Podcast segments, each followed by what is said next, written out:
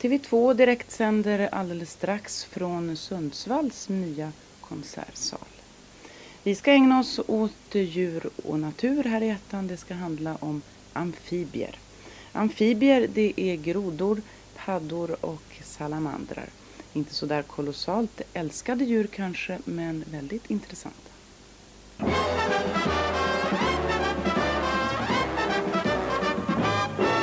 God kväll. God fortsättning och mycket välkomna till det första av två helgextra 1 med naturen.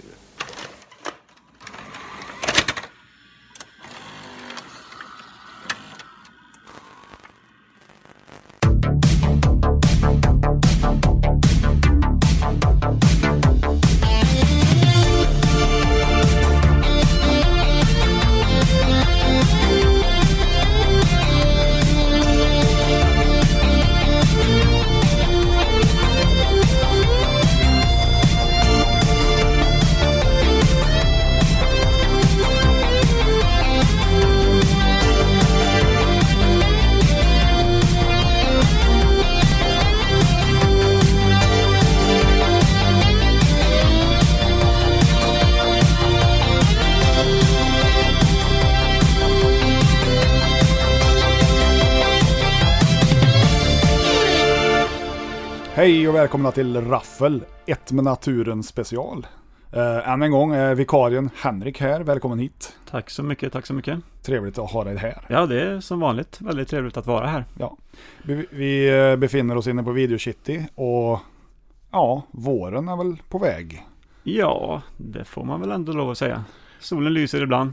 Ja. Och med vårens ankomst kommer även insekternas ankomst. Så är det. Ja, Myggorna kommer, bland bromsarna. Annat. Bromsarna. Bromsarna behöver bytas. Mm. ja, Ja. precis så. Har du sett någon kul film? Jag har sett en rolig komedi, En rolig komedi. Ja. ja. kanske en av mina favoritkomedier. Du har sett den förut? Jag har sett den förut, Ja. många gånger. Men Ja. det var väl länge sedan nu då. Eh, Det är ju Monty Python and the Holy Grail som jag Ja. kollade häromkvällen. The Holy Hand Grenade! Mm. Fantastiskt. Ja, den är bra. Mm. Jag älskar ju då The Night to Say Ni. De går aldrig ur tiden. Who are you? We are the knights who say... Ni! No, not the knights who say ni. The same! We are no longer the knights who says ni. Just det, precis. Icke, icke, vad säger de? Icke, icke, backum, bam, boom, bang, någonting. Precis. Svårt att, Bring, bring out your dead, but I'm not dead yet. You soon will be. Mm. Ja, den scenen är fantastisk. ja. Du gillar brittisk humor. Ja, eller alltså, egentligen inte, men, men just eh, Monty Python i alla fall gillar jag väldigt mycket. Ja, jag förstår. Och Holy Grail är väl deras bästa, om jag ska ta ut en. Ja, jag gillar ju eh, Blackadder, ja. Mm. Jag gillar ju... Med Ro- Rowan Mm. Atkinson, ja, jag va? gillar, jag gillar ju sarkasm och ironi. Ja, Det tycker jag är kul. Ja, jag tycker... Jag har aldrig fastnat för Mr Bean. nej. Han är ju för tafatt liksom. Det är lite mer så här... Han är ju ett barn, Jag, basically. jag tyckte Mr Bean var kul när jag själv var barn. Ja, Slutet på 90-talet kanske, eller när han... nu- 2018. Ja, exakt. Ja. Nej men eh, då var han rolig men. Det var länge sedan jag såg Mr Bean nu så Det har jag, vet funnits- inte vad jag skulle... Det har funnits, alltså de här korta grejerna med Mr Bean var väl lite småroliga. En del av dem, men filmerna var ju inte bra liksom. Det håller inte för det. Jag tycker ju som sagt eh, Svart Orm är bättre. Som det hette på svenska då. Mm. Eller Den Svarte Riddaren hette det på hyrfilm. Oj, Ja, den översättningen är inte att leka med. nej. men... Eh, Har du själv sett något eh, gott på sistone? eh, ja, jag har sett eh, Godzilla vs Kong. Ja, ja, det är den där nya där va? Det är den där nya. Från ja. i- 2021 till och med. Den är från 2021. Ja, Och den eh, är inte... Alltså det är ju bra effekter men, och det är coolt när de slåss. Men däremellan är ju ointressant. ja. Skarsgård går runt och är Skarsgård. Mm. Eh, historien är lite värd liksom. Jag kanske inte ska avslöja för mycket. Det kommer vara tillräckligt med spoilers i det här programmet i alla fall. Jo, det tror jag nog. Ja. Spoiler är ju kul. Annars har jag väl kanske, ja, jag har inte sett något, något kul. Jo, det har jag ju. Filmerna på, som vi ska prata om. Ja. Men utöver det har det inte blivit så mycket annat. Jag såg på Mitt Afrika för några veckor sedan. Med Eh, Meryl Streep och Robert Redford. Ja, just det. Jag tänkte säga Sigrid Thornton, men det var ju Floden blev mitt liv det, så heter det. Jaha, okej. Ja. Nej men det är väl en klassiker som jag inte har sett någon gång tidigare. Jaha. Och Det var helt okej. Ja, Lång och drama. drama ja. Mm. Men den var sevärd. Nej, jag, jag har nog inte sett den faktiskt. Det är inte eh, drama. Ja, jag- jo, jag gillar vissa drama. Gärna om det har hänt på riktigt och så. Mm. Jag har sett De dimhöjda bergens gorillor. Just det, med Eh, Sigourney Ja, Weaver. precis. Mm. Om hon eh, Diane Fossey hette hon va? Ja. Gorillaexperten. Just det, Eh, just det. Ja, Den var det länge sedan alltså. man Den såg. var ju rätt bra har jag för mig. Det, jag, jag tror det är Rick Baker som har gjort gorillorna i den. Han är ju lite av gorillaexperten när Mhm. Ja. det gäller till special effects. Så nu är det ju digitalt såklart men Gorillaexpert det skulle man ju vilja vara ändå. Ja, det är ju han som gjorde King Kong också i remaken. Och spelar King Kong Oj, i den från 76 är den va? shit. Han måste vara ganska stor om man kan spela King Kong, tänker Ja, jag. vä- väldigt stor. Ja, typ 10 meter lång och 2000 2000 miljoner kilo pounds. tung. Mm. Ja. Men nu är det ju inte Rick Baker vi ska tala om och Afrika blev mitt liv. Nej, mitt Afrika. My Africa. Ja, My Africa. Eller Out of Africa heter den faktiskt på. Utan eh, vi ska köra en lista igen. Det här är ju ett specialavsnitt. Det är det. Det här också ska man säga. Mm. Mm. Det blir lite specialavsnitt nu. Ja, men det är ju Nu det är ju är- lite kul. Vi får ju passa på när eh, Robert är borta och köra lite skräckfilmer och annat. Lite annat smått och gott som många för, förhoppningsvis uppskattar. Ja, precis. Det tror vi ju. Den här genren som vi ska prata om ikväll är ju en av mina favoritgenrer. Mhm, Det har jag förstått. Så Så jag har för det- mig att vi pratade lite om den i första eh, avsnittet jag var med i. Eh, ja. Lite- Vi var där och nosade lite på det i alla fall. Och som vikarie så ska du i vanlig ordning få presentera vad det är vi ska prata om idag. Mm. Vi ska prata om en, en eh, fin och trevlig genre som innehåller djur och människor. Ja, Det vill säga djur som... eh, det, det är inte Attacke- Lassie vi pratar om nu utan Det är inte Lassie och eh, Inte Benji. Baben Modegris, är det inte. Rädda Willy. Nej, utan de här djuren som vi ska prata om är ju lite mera ondsinta Ja, och eh, ja, arga, Ja. hemska. vi talar ju givetvis om den genren som har kommit att kallas för Revenge of Nature. tror du skulle säga Revenge of the Nerds först. Ja, det är, är det en genre? Nej, det är ju det är inte det. Nej. Mm. Det är Robert Carradine i glasögon. Ja, nej, det här har jag velat prata om länge. Mm, Det finns så mycket att ta av. det gör det verkligen. eh, Det finns hur mycket som helst. Ja. Och i vanlig ordning så har vi inte eh, rangordnat de här filmerna, utan eh, vi kommer bara prata om åtta filmer var, Mm, Som vi- 16 totalt ja. ja, som vi gillar på något vis. ja som ger oss någon form av tillfredsställelse. Kanske man kan uttrycka det Ja, så. det här är väl inga toppfilmer i mångas ögon, men eh, vill ni höra sånt så ja, då får ni väl byta podd. Ja, precis. Ja. Där, är, där är dörren så att säga. Ja, precis. ja, vi pratade ju lite om det innan vi, när vi uppdaterade datorn här. Mm. Att det finns ju vissa kriterier som bör uppfyllas för att få platsa i den här genren då. Så är det ju. Eller vi har sett i alla fall vissa likheter som finns emellan alla de här filmerna. Mm. Och en av likheterna är ju att alla de här in- filmerna innehåller ju någon sorts expert. Det måste det göra. Det är ett måste Ja. faktiskt. Han är expert på ja, respektive djur då. Det är ju bara att ta hajen som exempel. Då har vi ju då Matt Hooper som är experten. Quint är väl också en typ av expert kan man säga, men han är ju inte... Han är ingen superexpert kanske. Nej, precis. Han är inte marinbiologen. Liksom. Nej. Nej. Han är mer den ruffige jägaren. Ja, Som precis. också kan finnas med i sådana här filmer. Ja, det är, En Quint-karaktär. det kan- är mer en regel än ett undantag att det är en, Ja. en ruffig jägare med tycker jag. Ja, och sen så har vi även med i många av filmerna i alla fall att när de ska lista ut vart den här varelsen eller varelserna håller hus så är det ju alltid vart offren har hittats. Så har de ju ringat in det på en karta och så kan de dra en korslinje och där de möts, där finns bot. Just det. Finns med i, i flera filmer också. Mitt i triangeln så, Så är, att- ju, ja. är ju bot, Ja, brukar man precis. säga. Ja, exakt. Ja. Har vi något mer?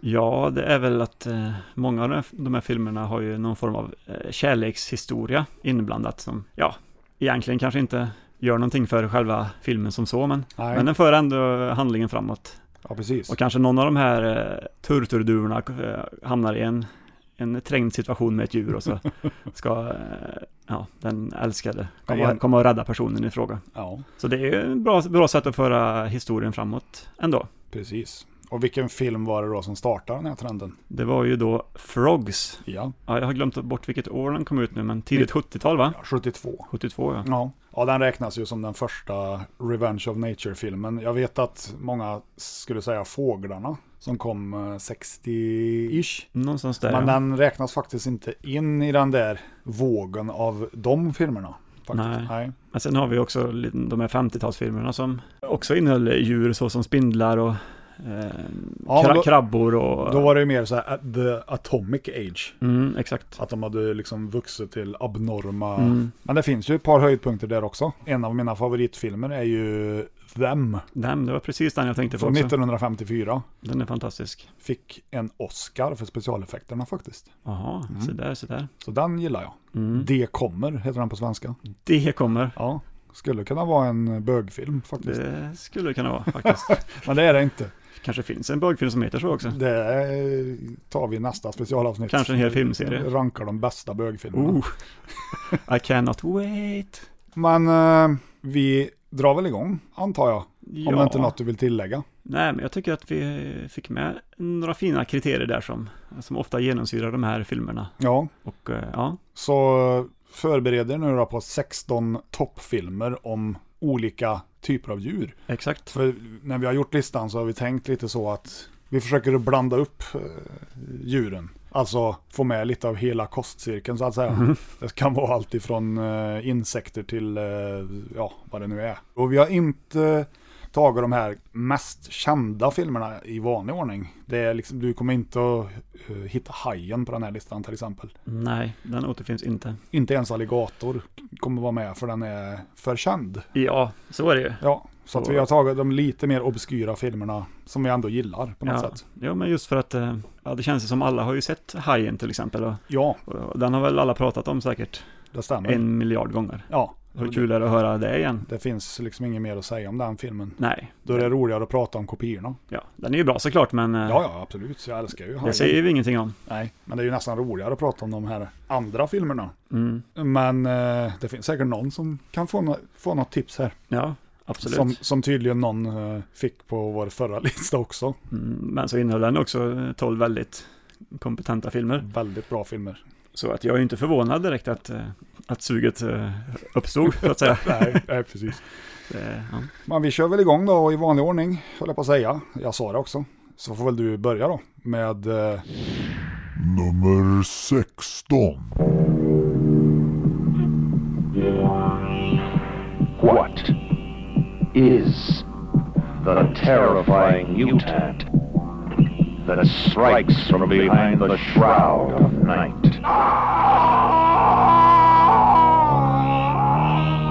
That night. That night of the Lepus. A night of total terror. Night of the Lepus. Kill one. Här har vi en film från 1972 som heter Night of the Lepus. ja, jag har den på DVD. Ja, det, ja du har den inte här ute i Kitty. Nej, jag vet inte om den fanns att hyra. Kanske. Ja. Men jag har aldrig sett den i alla fall på hyrfilm. Nej. Nej. Ja, som sagt, Night of the Lepus heter den här. Eh, och den svenska översättningen är Nattens skräck. Eller översättning och översättning. Den, den fick den titeln i alla fall när den släpptes i Sverige. Mhm. Eh, den är regisserad av William F. Claxton. Och eh, han är ju känd för att ha varit med och gjort många tv-serier, små avsnitt i tv-serier. Mm. Till exempel ett avsnitt av Dallas har han på sin repertoar. Ett avsnitt. Japp, Ja, minns tyvärr inte vad det hette, men eh, Nej. det kanske är ovidkommande också. Men... inte Night of the Lepus i alla fall. Nej, heter Nej. den inte. Nej. Eh, Skådespelare i den här filmen är Stuart Whitman Oh. och Janet Leigh, eller Lee, Janet Leigh. mm, Ja, det är från ju, alltså- eh, Psycho. ja, precis. Det är ju eh, Jamie Lee Curtis morsa. Ja, precis. Mm. Jag har en rolig grej om, som hon, eh, Janet Leigh sa eh, efter hon hade släppt den här filmen. Ja. Eller släppt, efter hon, den hade släppts. Mm. Så fick hon ju en fråga om hon någonsin skulle vilja ha med sina barn i en sån här typ av film. Och det var ju direkt att nej, hon tyckte att det var alldeles för våldsamt. Eventuellt kanske dåligt också, tror jag hon tyckte, men Ja. För det kanske inte är någon psycho direkt, men det är ju ändå någonting bättre kanske. ja, precis. Mm. Jag tycker, ja, vad heter den? Nattens skräck. Nattens skräck, ja. Ja, den avslöjar ju ändå inte vad det handlar om eh, i titeln. Det Eller gör vad, den det är inte. för, vad det är för djur liksom. Nej. Nej. Och djuret är då kanin. Ja, hör och häpna. Mm. Och det handlar då om en bygd i Arizona som invaderas av muterade jättekaniner Mm, med, eh, som man får smak för människokött. såklart. Det låter väl ändå som en fantastisk, Ja, Story. alltså det är bara att- att höra den raden ja, eller den texten så har det ju fått mitt intresse. Nu har jag sett den här filmen, men Mm. jag menar, det räcker. och det var ju därför jag såg den här filmen eh, för många år sedan. Jag läste att den handlar om muterade stora kaniner som, som eh, ger sig efter människor. Ja. Och hur kan man inte vilja se något sådant, Ja, jag, tänker jag. men- ja, jag menar det. Eh, Den här filmen var från början tänkt att heta Night of the Lepers. Leppers. Lepers, eh, säga spet, spetälska, ja. spetälska. Jaha. Och eh, tanken var då att den skulle handla om om zombieliknande människor med spetälska Ja. under en härjande pesttid.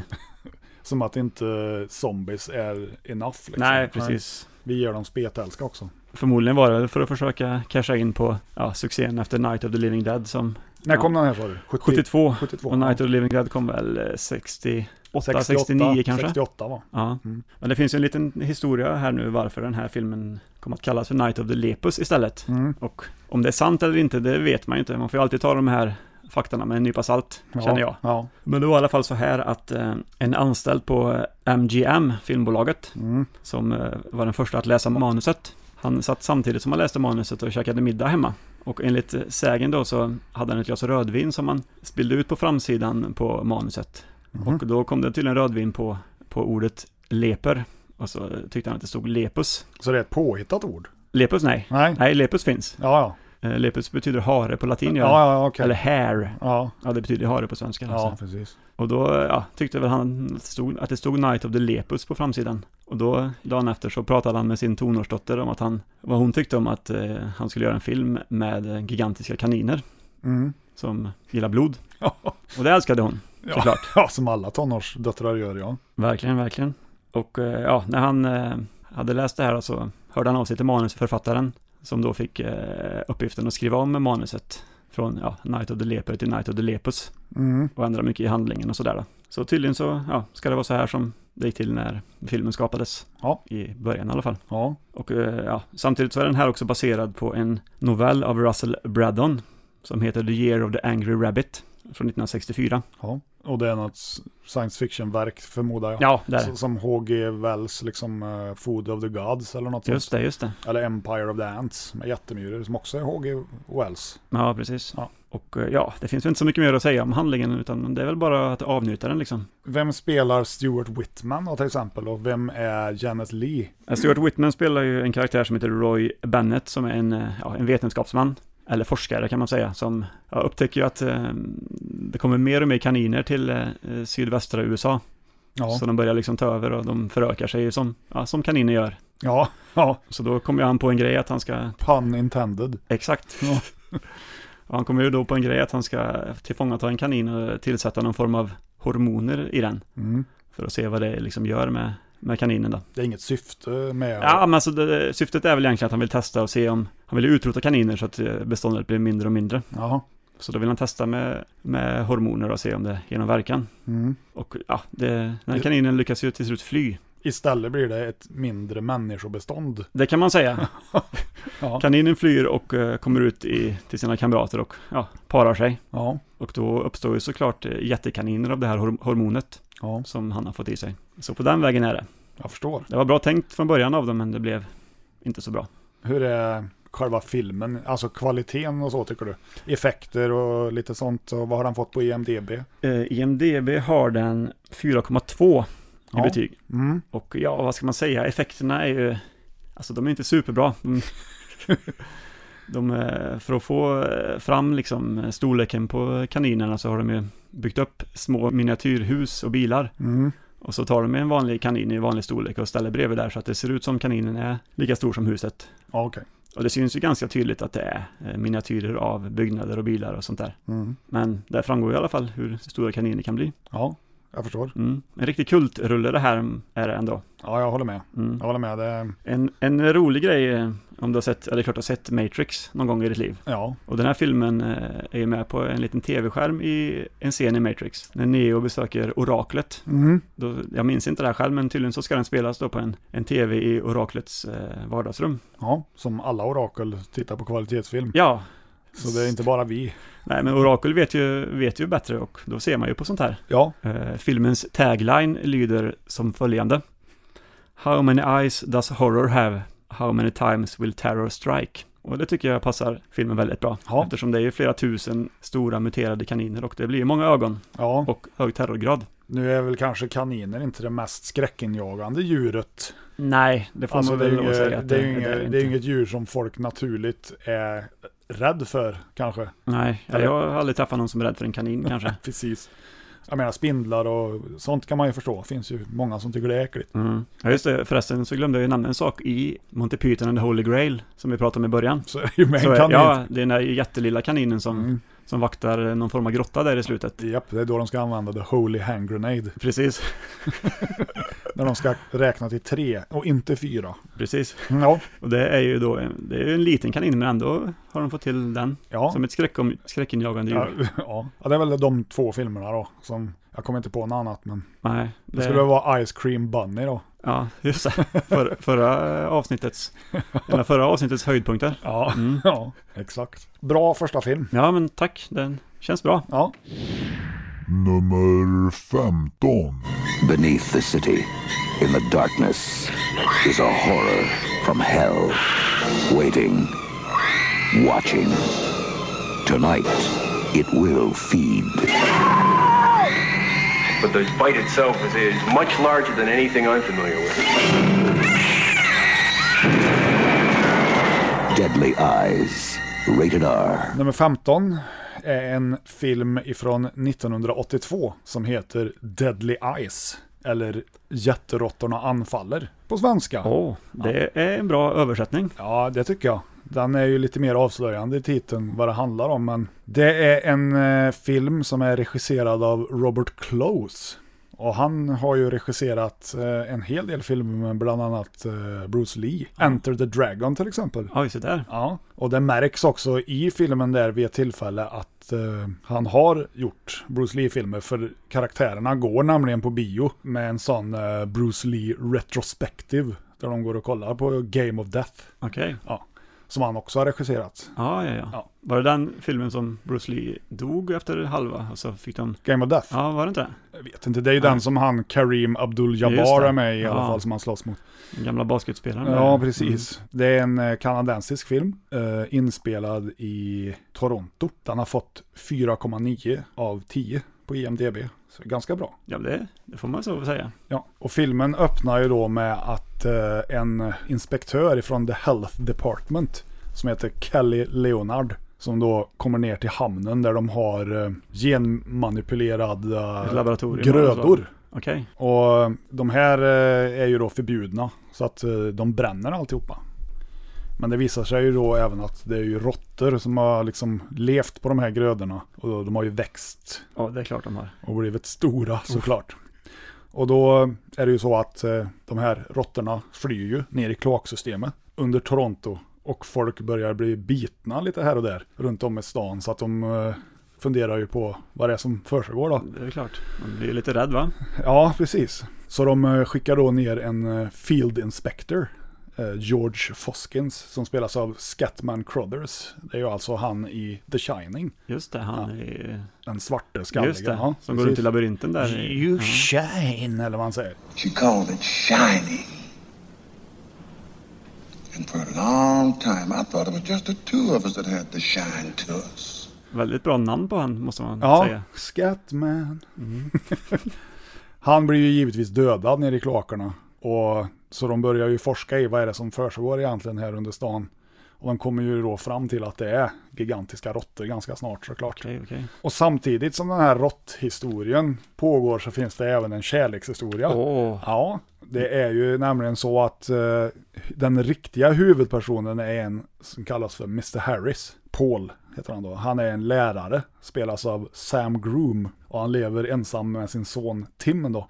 Han eh, har ju en elev där som är kär i honom, som heter Trudy White, spelas av eh, Lisa Lang Lewis. Och hon har ju varit med i eh, bland annat eh, The Nest, som du har sett, den här kackerlacksfilmen. Kackerlacksfilmen, ja, den Ja. känner jag till. Hon fick även provspela för Sarah Connor för övrigt. Ah. Och eh, James Cameron ville ha henne som Sarah Connor, men eh, producenten ville inte ha henne. Utan det blev ju då Linda Hamilton. Lin- va? Linda Hamilton Ja. istället, ja precis. Så att, hon var väl en lite mer en lite större skådis än de andra i det här ungdomsgänget då. Så Ja, att det okej. finns, du har dels storyn med råttorna, du har dels storyn med de här skolungdomarna då. Och hon är ju, försöker ju verkligen att ligga med, med Paul här då. Men Oj, lyckas hon? nej, det gör hon inte. Nej. För han blir ju istället intresserad av The Health Department Inspector där då, Kelly. Så de inleder ju givetvis en kärlekshistoria Oj, ja, jag luktar ett triangeldrama. Ja, det är ett triangeldrama, det kan Ja. man säga. Så det är ju även med där då. Efter ett tag, när de liksom har fått reda på då att det är gigantiska råttor som springer runt och biter folk, så är de ju tvungna att ta in en råttexpert, Mm, som sig bör. som sig bör. Och det här är ju då Dr. Louis Spencer, som spelas av Sek, eller Keck, jag vet inte hur man uttalar det. Secker. C-E-C, Ja. Linder. Oj, Ja, släkt, Shit. släkting. ja det är min farfars far. Ja, Faktiskt.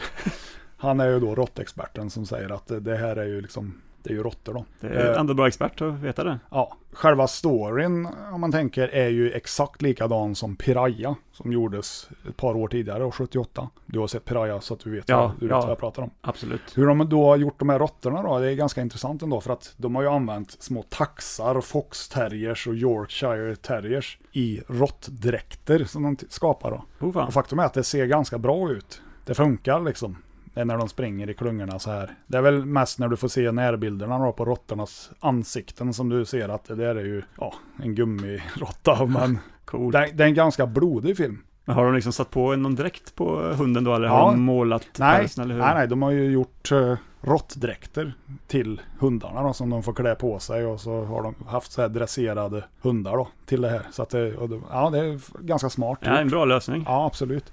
Du kanske har hört talas om ett specialeffektsföretag som heter Amalgamated Dynamics. ADI, Studio Ja, ADI. det känner jag till. De har ju gjort effekter till bland annat Alien 3 och 4 och Alien vs Predator och lite sånt där. Det är ju ett av de större effektbolagen. Men den ena där har de i alla fall som heter Alec Gillis. Han eh, jobbar ju på eh, Deadly Eyes med att göra råttdräkter. Det var så Ah, okej. han började. Det här var ju 1982, så han är ju inte lastgammal liksom. Det var hans första projekt. Det var hans första projekt. Ja. Ville åka till Kanada och göra råttdräkter och han tyckte väl inte det var så, liksom, så flashigt men vad fan, det, Ja, var, men- det var ett jobb. Ja, men man, man börjar ju någonstans. Ja. Och eh, ja, han lyckades ju. Ja, så att eh, ja, det var den filmen. Ja. Ja, ja, det är en film som jag har sett, men det var länge sedan. ja, jag gillar den. Ja. Jag var ju tvungen att köpa den här på Blu-ray för den finns inte att se någonstans. Ja, okej. Men Som- Hur, hur var kvaliteten på, på Blu-rayen? Ja, där det då? var jättebra. Det var det? Ja, Mm. Så det var, det var ett bra släpp. Ja. Ja, det var i alla fall Deadly Eyes. Mm. Mm. Nummer 14. Birds just don't cluster and follow someone around like that. It seems organized. Like these birds are on a recon preparing a war. Imagine that. Billions of birds at war with mankind. Mankind. mankind.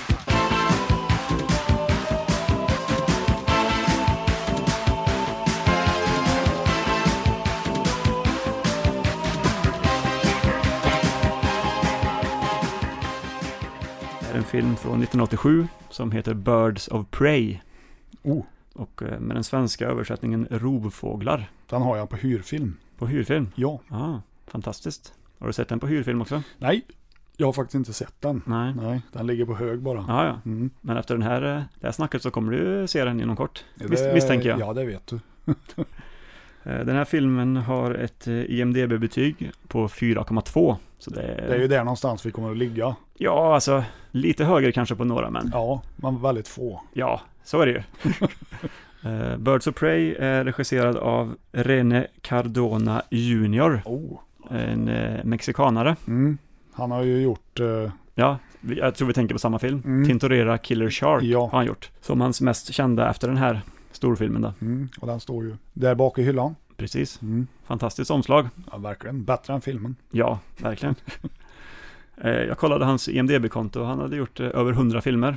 Mm. Men det var bara mm, den här och Tintorera och kanske någon mer som jag kände till. Sen var det mycket mexikanska titlar som man inte har någon superkoll på kanske. Taco Tuesday. Taco Tuesday, ja, precis. Klassiker. Ja, The Wall. Precis. Eh, De två huvudrollsinnehavarna i den här filmen spelas av Christopher Atkins Åh, från den blå lagunen. Exakt. Oj, oj, oj. Ja. I hans eh, genombrottsroll tror jag, för han kom ju... Även Brooke Shields genombrott. Precis. Ja. För den är väl tidigt 80-tal va? Blå Lagun. Ja, ja, jag ska låta det vara osagt, men kanske tidigt 80-tal. Ja. eh, och- Tonårsporr. ja. Ja. och det är väl mycket, mycket nudity i den. Nej, du får ju inte... Nej men alltså mycket bara ja, ja, det överkroppar i alla är ju, fall. fast de lyckas ju verkligen inte visa någonting. Är det så? Hon har ju sitt hår som hänger för hennes eh, juver. Precis. Ja. Men det är inte Eh, Brooke Shields vi ska prata om. Nej, för nu ska vi prata om Michelle Johnson som spelar den Oj. eh, kvinnliga hon- huvudrollsinnehavaren. Är det hon som är med i Waxwork? Ja, Ja, det stämmer. Hon är snygg hon. Ja, Hon är även med i den där Far and Away med, eh, med Tom Cruise och Nicole Kidman. När de, Ah. när de spelar irländska eh, immigranter. mm, så där, så där. Och en film till som hon är med i är Dr. Giggles. Stämmer. Tan- tandläkare. Mm. med Larry skräckisen. Drake. Larry Drake, ja. Ja, precis. Så den är de- rätt bra den. Ja, den är alltså underhållande. Ja. Cheesy. Är den Ja, ju. ja, Väldigt jo. cheesy. Alltså ni ska ju ta en, en nypa salt nu när vi säger att det är bra. Det innebär ju inte att det är bra. Nej, det är ju inte borta med vinden bra. Nej. Om nu det är bra, det vet jag inte. Nej. Jag har inte sett den än. Så att, Nej. men, ja. Eh, Den här filmen handlar ju då om eh, Vanessa, spelad av Michelle Johnson. Hon är en eh, reporter som, eh, som gör en story på en bonde som har blivit attackerad av sina egna kycklingar. Mm. Och eh, hon eh, reser då till Spanien med sin kameraman eh, och tillika pojkvän som spelas av Christopher Atkins. Mhm. Och där så eh, upptäcker de eh, en stad som har blivit utplånade av fåglar för 30 år sedan. Mhm. Så då besöker de den här staden och gör lite intervjuer med de få människorna som, som är kvar där då. Vanessa kommer snart till eh, slutsatsen att eh, eh, de här fåglarna eh, organiserar sig själva ja, på något konstigt sätt i olika delar av världen och gör så kallade synkroniserade attacker mot, eh, mot människor. Mhm. Så filmen går ju ut på att, eh, att de forskar lite om vad är det som har hänt och hur, hur fåglarna gör för att eh, synkronisera sig och, och attackera människor. Ja, En väldigt blodig film det här. är det Ja, det är ju som fåglarna fast väldigt mycket blodigare. Ja, Man får ju se när eh, folk får sina ögon eh, utpickade av, av fåglarnas näbbar. jaha. Ja, det är ju ändå René. Exakt, och han Ja, och, hatar ju inte blod direkt. nej, det gör han inte. Det gör ju inte jag heller. Så att, Nej, inte jag heller faktiskt. nej. Jaha, så den är sevärd. Den är väldigt sevärd. Ja, Den har en otroligt eh, eh, intensiv och spännande inledningsscen ja. med två glidflygare. Som, eh, ja, en kille och en tjej som är uppe och glidflyger i himlen. Mm. Och så ser de en havsörn, som, eller en grip kan det vara också. Mm. En stor rovfågel i alla fall. Mm. som eh, kommer närmare och närmare och närmare. Och till slut så attackerar eh, rovfågeln eh, den manliga glidflygaren Mm. och liksom s- eh, tar hans solglasögon som han har på sig Mm. och samtidigt hugger honom i ögat. då. Är det bra gjort? Nja, det är väl sådär gjort, men alltså s- de får till en bra spänning i scenen i alla fall. Ja, ja. Men eh, i övrigt inte jättebra gjort kanske. Nej, det är ju sekundärt i och för sig Ja, det är det ju. när det gäller den här podden. mm, Precis. Mm. Det låter ju fantastiskt. Ja, och sen, eh, sen kraschlandar ju han i, i havet då. Mm. Och om man dör eller inte tänker jag inte avslöja såklart, utan Nej. det får ni upptäcka själva. Ja, ja, Och sen eh, så landar ju tjejen på en strand nedanför ja. Mm. och eh, fågeln förföljer ju henne. Och eh, det är en scen som är inspelad i slow motion. Okej, Så man ser tjejen springa jättelångsamt eh, och så kommer fågeln någon meter bakom. en riktig fågel. Det är en riktig fågel ja. Ja, Det är lite som den här scenen i, den här strandscenen i den här löparfilmen. Eh, vad heter den då? Någonting med Glor... Chariots of Fire Ja, Chariots of Fire. ja. Tänk den scenen. eh, med den låten. Ja, i slow motion fast det är en, en tjej och en fågel istället. Lite så. Ja.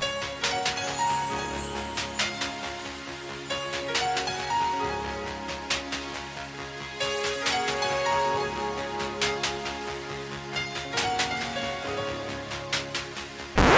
Jag såg i alla fall det, jag såg den parallellen. Ingen dålig parallell. Nej, Ja, Ja, eh, duvor är väl eh, de fåglarna som, som är vanligast förekommande i den här filmen. Det är stora flockar med duvor som, ja, som ser lite, de ser lite obekväma ut att vara med i scenerna kan man säga. Exakt. Mm. Men de attackerar ändå folk lite då och då och jag tänker ju vad kan en duva göra för skada? Nej, men det, kan väl, det är väl näbben liksom som kan picka. Jo, jo. Det är det. Ja. Och Visst, när man ser en vanlig duva ute på stan så blir man ju inte så rädd kanske. Man Nej. tänker att den här kan ju inte döda mig, tänker man ju då. Nej, man är ju tillräckligt stort antal då. Ja, ja. Så kommer det en svärm med hundra duvor då. Men det är mycket fåglar och så i... Ja, det är mycket fåglar. Ja. Alltså inte så mycket olika typer av fåglar, utan det är rovfågel, ja. den här- Brevduvor. Ja, exakt. Fredsduvor. Ja. Ja. Nej, men, eh, och mycket duvor då, som sagt. Det, det är väl de som för filmen framåt kan man säga. Ja. En väldigt intensiv scen, en till intensiv scen i slutet av filmen eh, som eh, utspelas på ett tåg. Mm. Där huvudrollsinnehavarna har, eh, har hamnat på då, för att de försöker fly undan fåglarna. Och, eh, ja, den är fantastisk i alla fall. den är bra på riktigt. Ja, det är den. Ja, ja den, eh, den ska ju ses. Ja, men det, Jag det har, hoppas bara, jag. jag har bara inte blivit att jag har Nej. sett den, utan den har hamnat på hög liksom. Mm. Ute på lagret. Ja, Mm. Mm. nej, men förvänta dig ett mästerverk. Ja, det gör jag. Ja, den här filmen, när den släpptes i Italien så marknadsfördes den som eh, uppföljaren till eh, Alfred Hitchcocks Fåglarna, Okej. Eh, När kom den? 87? 87. Ja, Ja, ja. Jag har för mig att Fåglarna 2, den officiella uppföljaren, kom på 90-talet. ja 94 eller något Ja, sånt n- där. kanske något sånt. Ja, eh, och eh, den här filmen släpptes även under titeln Beaks the Movie. Beaks? Och Beaks, det betyder nabb. Ja, gissar jag jo, ja, Mm. på. ja. Ja. Eller näbbar. Ja, Nabbarna-filmen. Ungefär som Jaws. Käftar. Exakt. Mm. Beaks låter ju inte lika coolt. Nej, det låter ganska otufft faktiskt. Ja.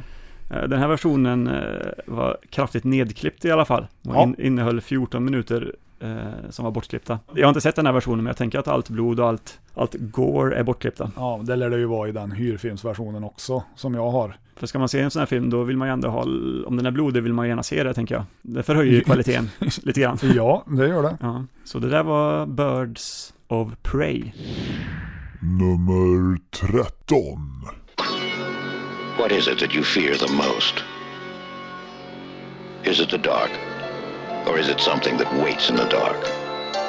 Something so perfect in its evil that it has remained unchanged since the beginning of time. Something that has no fear of man. Something out there waiting for the light to fade. Nightwing. Det här är en film ifrån eh, 1979 som heter Nightwing. Den har en eh, fruktansvärt snygg poster som man kan se på eh, våran Instagram om man vill. Ja, Ja, finns den här i video Shitty? nej, det gör den inte. Jag tror den finns att hyra. Jag tror den heter Nattens vingar faktiskt, på svenska. Ja, okej. Nästan som Nattens skräck, där eh, Ja, precis. Eh, det är en amerikansk film. Eh, den har ett IMDB-score på 5,1 av 10. Så Ah. ga- ganska högt ändå. över hälften Ja. är det ju. Det är bra. Den är regisserad av en eh, kille som heter Arthur Hiller. Och han har ju regisserat sådana storfilmer som eh, Snuten i Hollywood 3, Chicago-expressen, Jaha. Love Story, Tobruk.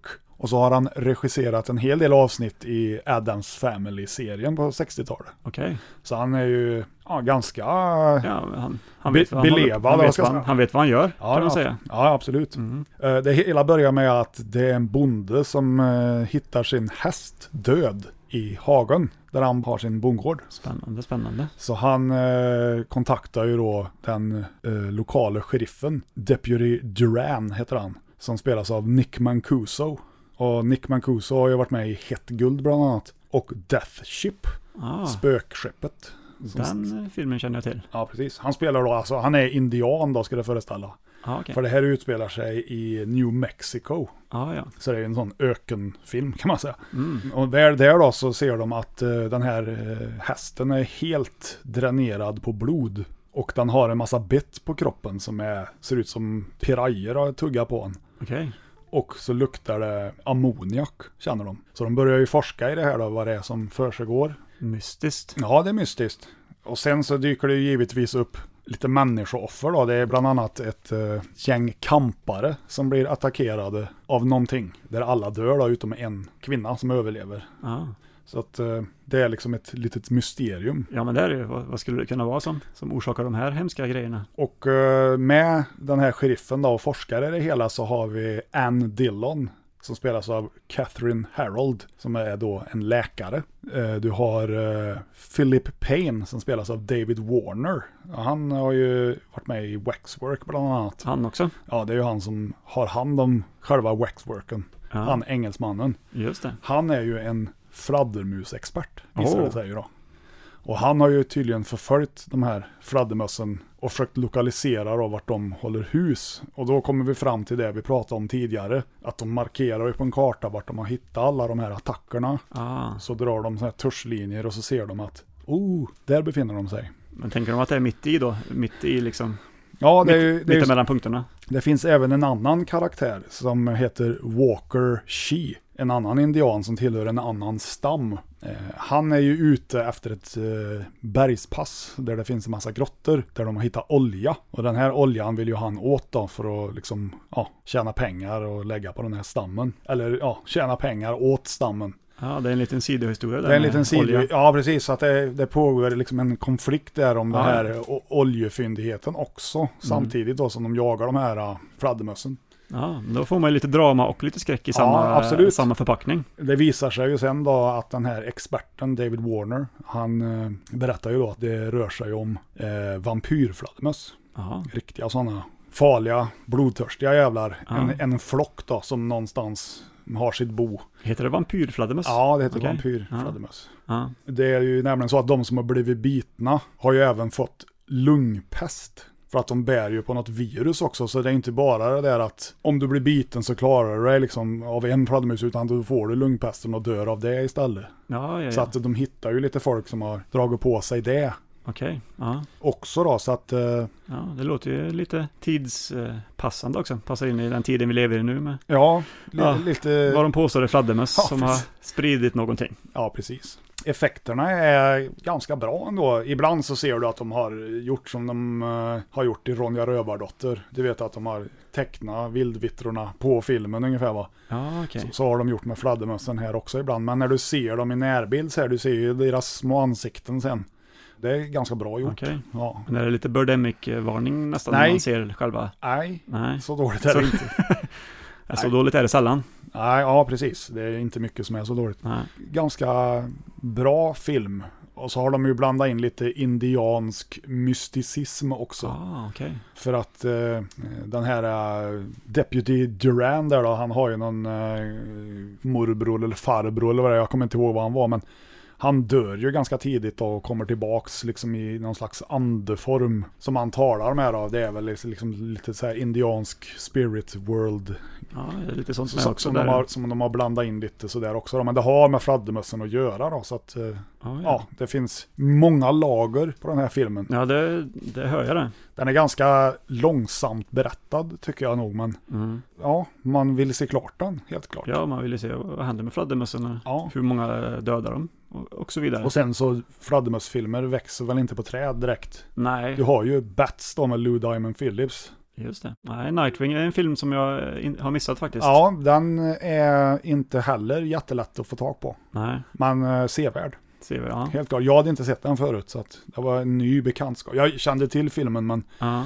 ja, jag ville ha sett den i många år men nu fick det bli då. Det är alltid kul när Som man, eh, research. Ja. när man upptäcker lite nya, nya gamla filmer så här. Även om man anser sig vara en expert på ämnet så är det mycket man inte har sett ändå. Ja, absolut. Nej, mycket bra film. Ja, låter mycket trevlig. Mm, det var den. Nummer 12. It was a day like any other. The air hung heavy with the heat. Then it happened.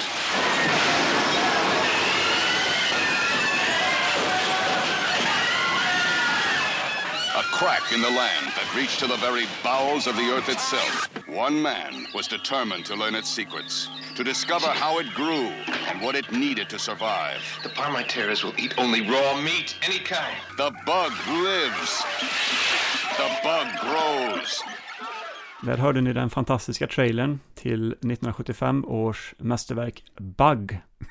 Eh, den här filmen handlar då om, eh, det sker en jordbävning och upp ur eh, marken kommer det muterade kackerlackor och eh, släpps fria i en eh, amerikansk småstad. Och eh, det, det häftiga med de här kackerlackorna är att de har eh, en förmåga att göra upp eld. De gnider antennerna mot varandra och så börjar det brinna helt enkelt. Ja. Så att de eh, attackerar folk i småstaden och sätter sig på nacken till exempel. Och så börjar det- det ryka där bakom. Det är en true story. Ja, det är det ju. För kackerlackor gör väl så. I alla fall de jag har sett. Som. Ja, ja, Den här eh, eh, har ju en väldigt intressant svensk eh, titel. Eh, Det Det får inte vara sant. Det får inte vara sant, ja. Ja, precis. den hade du koll på. Jajamän, jag har den. Ja, du har den, ja. ja. Eh, den har ett EMDB-betyg på 5,2. Oj. Så den ligger där och balanserar på, på hälften ungefär. Mhm. Filmen är regisserad av Jeanette Schwark. Som har gjort Hajen 2. Exakt. Mm. Du har superkoll på den här filmen, hör jag. Ja, Och eller dess- vissa regissörer i alla fall. Ja, han har gjort Hajen 2. Vet du, vet du också vem som har eh, skrivit eh, manuset till den här filmen? Ray Bradbury. Nej. Nej. Det är William Castle. Och det här var eh, William Castles eh, sista film som han var inblandad i. Innan Mm. han dog eh, år 1977. Ja. Huvudrollsinnehavarna i den här filmen eh, spelas av Bradford Dillman. Mm. Han spelar då professor James eh, Parameter. Som eh, upptäcker de här skalbaggarna och eh, bestämmer sig för att göra lite experiment på dem.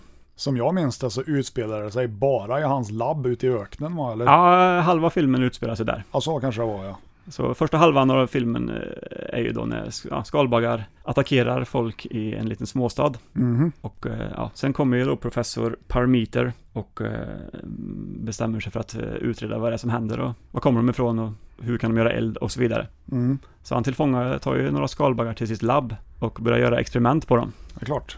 Och som sagt, eh, andra halvan av filmen eh, är ju då professorn som gör lite olika experiment och man ser hur han börjar mer och mer bli, bli galen liksom. Mm. Det påverkar honom väldigt mycket psykiskt det här, av någon anledning. Oklart. Väldigt oklart är det faktiskt, men sk- jag tänker att skalbaggar som kan göra eld har den förmågan med folk. Om man... Ja, Joanna Mills eh, mm, eh, spelar professor James Parameters fru, hon heter Carrie. Mm.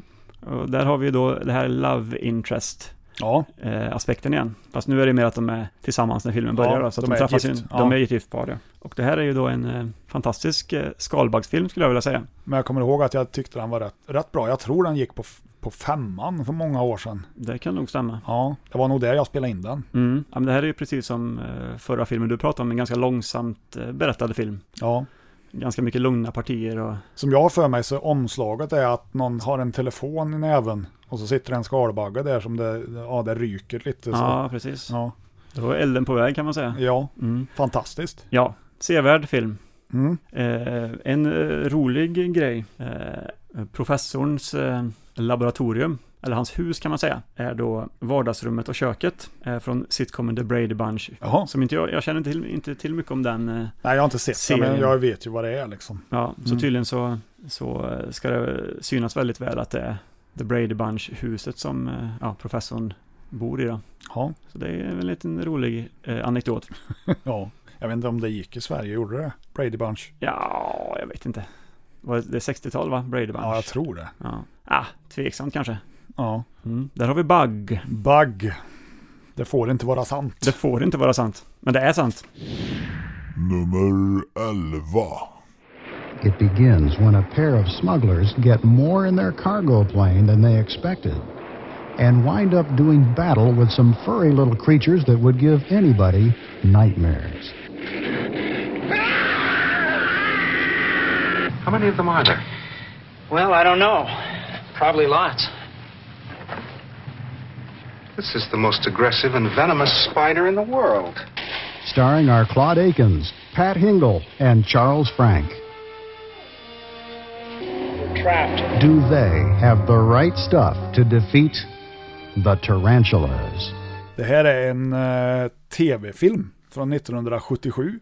Ja, TV-filmer gillar man. Jajamän. Som heter eh, Tarantulas, The Deadly Cargo. Eller Dödlig Last, som den heter på svenska. Ja, det låter som spindlar kan vara med i den här filmen. Stämmer det? Var det Tarantulas som gav dig ledtråden? Det var dödlig last faktiskt. Ja, precis. det är ofta spindlar när det är dödlig last, tänker jag. Ja, jag förstår. Mm. Den har regisserats av en herre som heter Stuart Hagman. Och han har gjort eh, mest tv-serier och sånt. Mission Impossible, Mannix och någon film som heter The Strawberry Statement. Oj. Som är något drama av något slag jag aldrig hört talas om. Men Jordgubbs... Påståendet. Ja, eller, exakt. ja. Påståendet om jordgubbar kanske. Ja, något sånt. Ja. Eh, Det handlar i alla fall om två sliskiga typer, Buddy och Fred, som spelas då av Tom Atkins och eh, Howard Hesseman. Tom Atkins, det är väl han från Halloween 3 där va? Stämmer, Mm. The Fog och Night of the Creeps. Ja, Eh, De två har bestämt sig för att importera fyra ton kaffe från Ecuador då uppenbarligen. Ah, ja. Så de har då chartrat ett tvåmotorigt plan, är där nere, köper billigt kaffe och vad de då inte ser är att med i kaffet får de med sig en massa spindlar Mhm. i lasten då. Sen när de beger sig hem igen då så har de även tre stycken flyktingar med sig från Ecuador då som de förmodligen har fått betalt för att ta med hem då. Men de här tre, Okej. de blir ju bitna för de ligger ju i lastutrymmet såklart. ja, ja. Så de här eh, Fred och eh, Buddy, de funderar ju på vad som har hänt. Men då blir ju även både Buddy och Fred också bitna av de här spindlarna då, så det här planet störtar. Har ju alla på planet är bitna nu alltså? Ja, ja, visst. Ja. I en eh, liten håla i Kalifornien. Ja. Och eh, byborna är ju då snabbt till undsättning då och, och försöker liksom rädda dem ur planet. Men det är ju för sent då, i och med att alla är döda redan. Så de öppnar ju planet på sidan då, genom att hugga upp med en yxa. Den här- Lite, lite The Shining style. Ja, eller aluminiumplåtar är ju på Ah, planet. okej. Ah. så det var inga problem.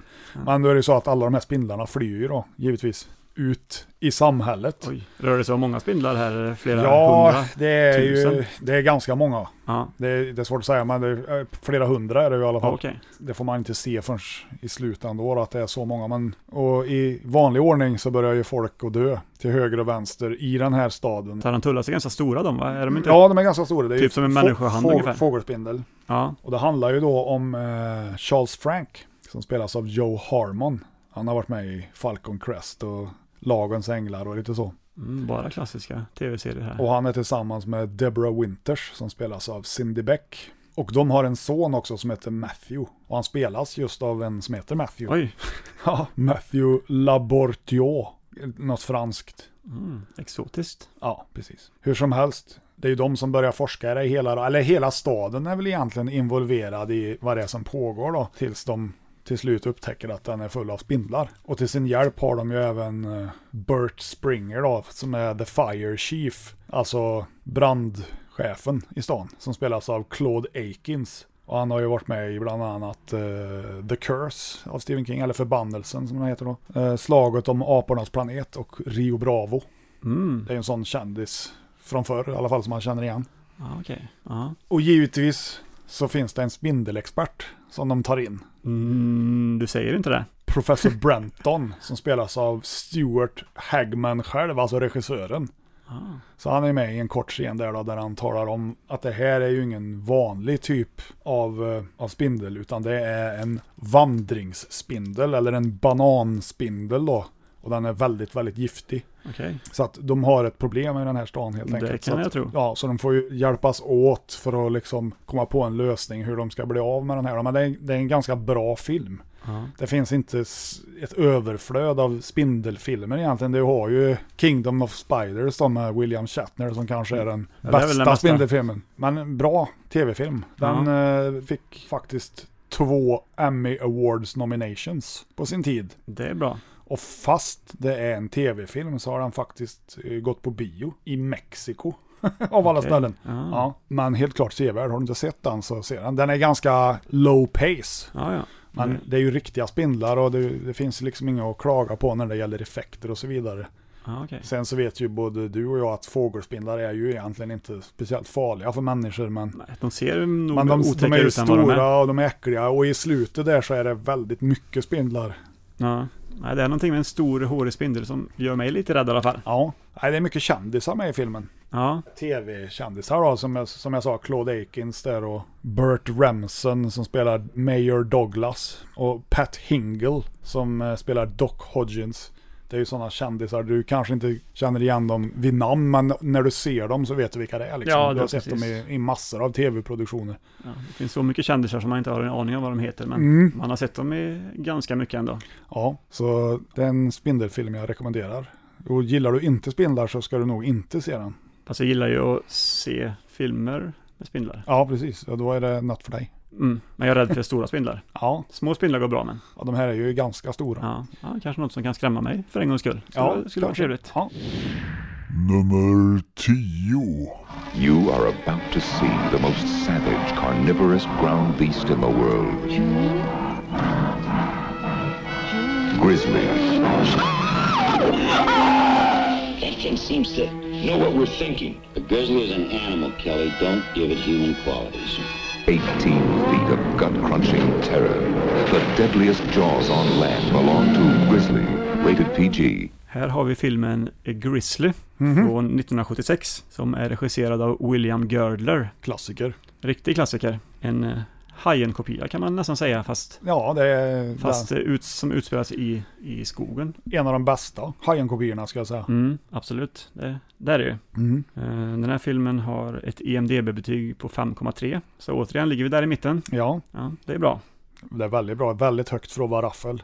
Väldigt ja, högt. Ja, det är det ju. Gud ja. Eh, regissören William Girdler eh, gjorde några år senare eh, också en, en till eh, Animal Attack-film som heter Day of the Animals. Och det handlar ju om en, m- många djur som löper amok Mm. i en skog. Inte Mm. bara björn då som det är i den här filmen, Nej, utan betydligt mer. Björn Skifs. Björn Skifs löper amok i en skog. ja.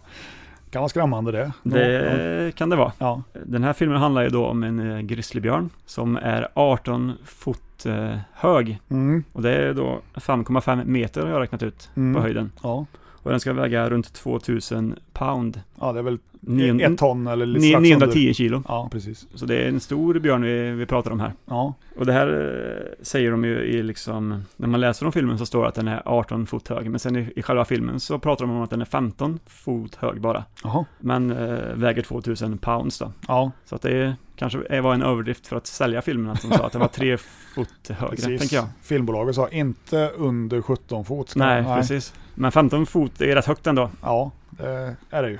Ja, det kan man säga. Och den här björnen då, grizzlybjörnen, eh, terroriserar en stadspark, eller vad säger man, naturreservat? eller vad Ja, ett säger man? naturreservat. Ja, va? Ja. i eh, USA. Eh, Och eh, första scenen eh, vi presenteras för är två kvinnor som är ute i det här reservatet och kampar och eh, blir attackerade av den här eh, grizzlybjörnen. Mhm. Och den här scenen är, är precis filmad som en, som en slasherfilm, eller som en slasherscen. Man ser liksom från björnens perspektiv hur den smyger sig på. En POV. En POV, ja precis. Mm. Hur den smyger sig på de här kvinnorna och svingar med sina stora tjocka klor. Mhm. Och eh, vad som följer är en väldigt blodig scen med avhuggna kroppsdelar och eh, mycket gore då. Trevligt. Det är trevligt. Ja, that's my kind of bear. Ja, verkligen. Och eh, Park Rangern i den här, eh, det här naturreservatet, Ja, jag har för mig att det var någon italiano. ja, Christopher George. Så är det ja, precis. Han har varit med i mycket italiano. Det har han varit. Ja, Han har till exempel varit med i Pieces, precis. den eh, klassiska slasherfilmen. Av En av Jean mina- Piquer. Simon. Precis. Ja. En av mina favoriter, Ja, för absolut. övrigt. Han har även varit med i City of the Living Dead, Mhm. Ful- Av Fulci, eller Fulci. Fulci är det ju förmodligen. Ja, och eh, filmen handlar ju då om hur eh, den här parkrangern eh, ska försöka fånga björnen och få den att sluta med sitt, sitt vad han tycker är onödigt mördande då. ja, ja. Eh, en annan huvudrollsinnehavare är Andrew Prine. ja, han känner vi igen. Han brukar spela skurk. Ja, det brukar han göra. Eh, han spelar ju då en helikopterpilot som heter Don Stober, som eventuellt senare i filmen faller offer för den här björnen. Jag minns ju någonting. Jag har ju sett den såklart flera gånger, men det var länge sedan nu. Jag minns någonting med en helikopter och ett jakttorn. Ja, Där den där, heli- den där björnen eh, går till attack. ja, Ja. det stämmer. Ja. Det är en scen som förekommer i den här filmen. Ja, Eh, sen har vi Richard Jackal som spelar Arthur Scott ja just i det. filmen. Också en kändis. Ja, kan tyvärr inte nämna någonting han har varit med i, men, eh, Nej, jag kommer inte heller på något. men det är säkert mycket 70-80-tal. Ja, det, ja, det är det. Ja. Ja. Ja. Obskyrt förmodligen. Kanske Förmodligen. för, för de flesta i alla fall. Ja. Eh, Den här eh, grizzlybjörnen spelas av en Kodiakbjörn som heter Teddy.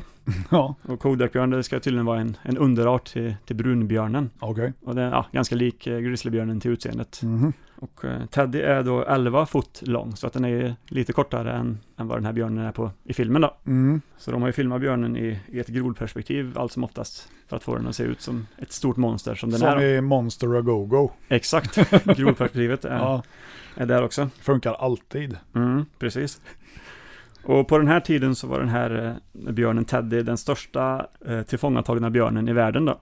Ja. Så de tog ju det största de hade för att, för att få det att vara, vara så stort som möjligt i filmen. Göra den ännu större. Ja, exakt. Så det gjorde de bra. Ja. Eh, ja, filmteamet eh, skyddades eh, mot eh, björnen eh, med hjälp av en elektrisk eh, wire som de hade spärrat av skogen med. Mhm. Så att de, de gjorde en avspärrning så fick björnen vara där inne och eh, ja, gick han emot eh, den här eh, ledningen då så fick han väl en stöt antar jag. Ja. Och så gjorde han inte det mer. Så det var ganska hög säkerhet ändå för att inte bli uppäten av björnen på riktigt, tänker jag. Men det, det var det en tambjörn? Jag, jag minns inte. Ja, det är en tambjörn eh, är det ju. Mm, Så tam en björn kan bli. Ja. man vill ändå inte gå nära en björn, även om man Nej, vet att den är tam. Inte som så- är 11 fot. Nej, man vill inte sträcka fram handen och, och säga hej björnen.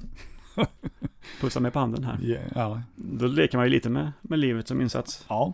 idén till eh, filmen Grizzly kom till när eh, filmens eh, producent och eh, manusskrivare Harvey Flaxman eh, träffade på en eh, björn när han var ute och kampade med sin familj i skogen.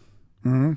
Så då föddes den här idén. Och han hade ju eh, året innan sett Hajen då. Såklart. Ja, och ty- eh, kände då att det var en bra idé att eh, göra en liknande film, fast kanske på torra land. Och vad passar då bättre än en stor grizzlybjörn? Ja, det är klart det ska vara en grizzlybjörn. Ja, men det ska det vara. Eh, William Görler, det vill säga regissören, eh, upptäckte ju eh, manuset på, på manusförfattaren Sheldons skrivbord av en slump Mm. och eh, gav ett erbjudande till att om man hittar eh, en finansiär till den här filmen så skulle han eh, regissera den. Mm. Och eh, han fick då en vecka på sig att skramla ihop pengar. Och han lyckades få ihop eh, 750 000 dollar från ett eh, independent filmbolag. Och eh, ja, då fick han börja göra den här filmen. Och glada är vi för det. Det är ju en bra film. Det är en väldigt bra film. Ja. Men eh, den fick tydligen väldigt dålig kritik när den kom. Ja. många såg den ju som en, en Hajen-kopia fast Ja, som att det vore något vad, negativt. vad de tyckte var sämre än, eh, än Hajen då. Ja, ja. Men det är det kanske inte. Dumt att jämföra ändå. Ja. Handlingen är ju likadan i, i alla de här filmerna som vi har pratat om i stort sett. Ja, Men det är ju bra. jo precis. Ja men det är ju samma handling fast det är olika typer av djur helt, ja. kan man säga. Man tröttnar ju inte på det. Nej. Nej.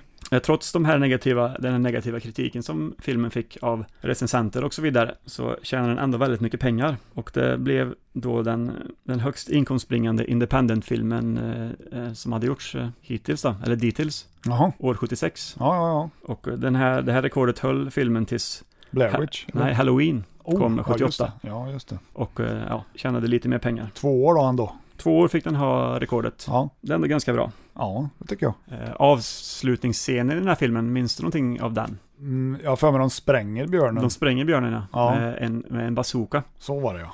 Så att det är ju en fantastisk, eh, fantastisk explosiv avslutning på filmen. Mm. För vad passar bättre än att spränga en björn med en bazooka? För Ja. Då, ah, då tar man ju död på den ändå. Ja, ja. Alltså små kulor biter ju sällan på en stor brunbjörn. ja det Eller ska ju vara grizzlybjörn. med rejäl ammunition. Ja. Helt klart. Mm. Ja. Så att, ja, ska ni se filmen, eller vill ni inte se filmen så se den bara för den scenen i alla fall. bazooka och björn, Ja, ja, ja. det är underhållande. ja, det är det. Måste jag. Ja, men det är en bra Mm. film. Ja, eh, det började spelas in en uppföljare till eh, Grizzly. Mm. I know. Grizzly 2 The Concert. Jag har nämligen sett den. Jag har också sett den. Men den finns ju inte officiellt släppt utan det är ju Jo. En, en, Är det inte en workprint? Nej, den är officiellt släppt nu. Är den det? Jajamän, Okej. jag såg den häromdagen. Ja, men har- de har alltså gjort... Och den gjort- heter inte Grizzly 2 The Concert längre. Nej. Utan den heter Grizzly 2, vad heter den då? Revenge eller något. Ja, okej. Med eh, George Clooney. Charlie eh, Sheen. är och väl med Laura lite. Dern. Laura- Laura Dern också. Ja. Där de då har liksom klippt in de här björneffekterna. För filmen spelades väl in i typ eh, ja, i Östeuropa någonstans. Ja. 83. Ungern tror jag, var det inte? Ja, så var det. ja. Eller Rumänien? Nej, Ungern. 83 spelade de in den Ja. i alla fall. Men effekterna och sånt där och björngrejerna, det la de ju in först nu. Så att den släpptes nu 2021. Oj, Och den är fantastiskt dålig. den är... Ja. Ja, Jag ju- såg den ju för kanske 5-6 år sedan. som Men en- då var det nog en workprint. Ja, det var en workprint, Nu finns ja. den i färdig version. Shit, det här är ju fantastiska nyheter för mig. Ja, så den måste du se. ja, det måste jag ju. Jag minns det. Den är ju som ändå ganska underhållande, den versionen jag såg. Ja, alltså den mekaniska björnen är väl okej. Ja. Men ibland har de ju använt så här liksom klipp och klistra effekter ifrån Adobe After Effects. Lite så här blodspatter när de skjuter björnar i början. då, För det är det som ska reta upp den här björnen ska jag föreställa. Ja, okej. Det är väldigt dåligt gjort. Ja, Och så har de klippt in så här när en jägare skjuter. Då får du se en kula i slow motion. Det är bara det att hylsan sitter ju kvar då på kulan. ja. Ja, inte så realistiskt. Det blir inte trovärdigt Nej. kan man säga. Och sen helt plötsligt kommer eh, Laura Dern och de sådär liksom en Ja, ja. 37 år tidigare. Ja, just det. Mm. Det är bra grejer. Ja. den, den ska ju ses, helt klart. Ja, Nummer nio. Each year, 10,000 tourists visit Ocean Beach. This summer, Ocean Beach has attracted something else.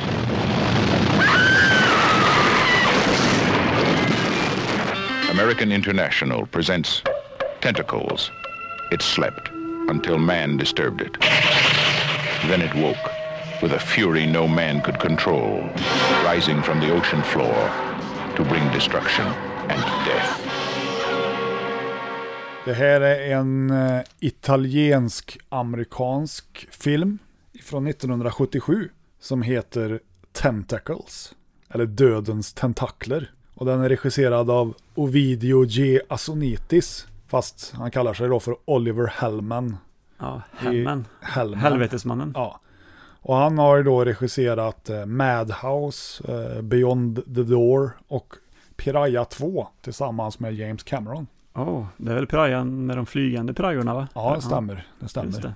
Den är bra också. Ja, eh, när vi ändå snackar Hajen-kopior då så har vi ju här en som är ännu mer lik Hajen än Grizzly är, skulle jag vilja säga. Ja, det är ju vatten här också. Ett element som vi inte har pratat om än. Ja, precis. Filmen börjar med att en eh, ung mamma sitter med sitt eh, lilla spädbarn vid en barnvagn vid eh, havet och leker med honom eller henne. Det är oklart vad det är för kön på barnen men det är oviktigt också. Så det är ser hon en väninna tvärs över gatan som hon springer iväg och börjar prata med. Och så kommer det då bilar och grejer och kör förbi så här för kameran. Så kommer det en buss och åker förbi och då är barnet borta helt plötsligt. Just det. Så då springer hon ner till vattnet och ser att barnvagnen ligger krossad i vattnet och flyter och är- det är blod och grejer. Och så öppnar den här filmen. Just det, jag minns den här scenen faktiskt. Mm. Det var väldigt länge sedan jag såg den här filmen. Men Ja. Du förklarar den så bra så att eh, det kommer tillbaks till mig nu. Ja, precis. Mm. Och sen sekunden senare så är det en gammal sleten fiskare eller vad det är som står och skrubbar däck på en båt som då blir tagen av bläckfisken som det är. Du- Du får inte se det men han försvinner ju från, från däck helt plötsligt. Så att det öppnar med två maträtter, maträtter, direkt. ja. Så redan där är det väldigt olikt hajen. En ung, ja exakt. En ung maträtt och en lite äldre, kan Ja. man säga. Mm. Ja, exakt. Och det här eh, blir ju då givetvis eh, ett fall för myndigheterna. Så att eh, den lokala sheriffen då, Sheriff Robards, som igen spelas av Claude Akins. Ja. Han är, han är med mycket Han här har idag. gjort en del djurfilmer. Ja, det har han. Ja. Jag börjar ju forska i det här och vad det är som pågår. Och eh, tillsammans med en, eh, en gammal reporter som spelas av John Huston. Just det, rep- reporter förresten, det är ju eh, en grej som ofta är med i de här filmerna också. Ja. Inte i alla, men i många i alla fall. En reporter som ska undersöka någonting. Ja, precis. Det är en lika gemensam nämnare. Han har en syster också som heter Tilly Turner som spelas av eh, Shelley Winters. Som varit med i SOS Poseidon bland annat. Ja. Det är hon lite rundlagda damen, du vet. Just det. Men han då som reporter börjar ju luska i lite i vad det är som försiggår, vad är det som kan finnas där ute i vattnet. Så han känner ju då en marinbiolog såklart. Självklart. som, då, som heter Will Gleason och spelas av Bo Hopkins. Ja. Han känner vi ju igen ifrån bland annat Sista natten med gänget. Det är han som är med i The Pharaohs. You are successful.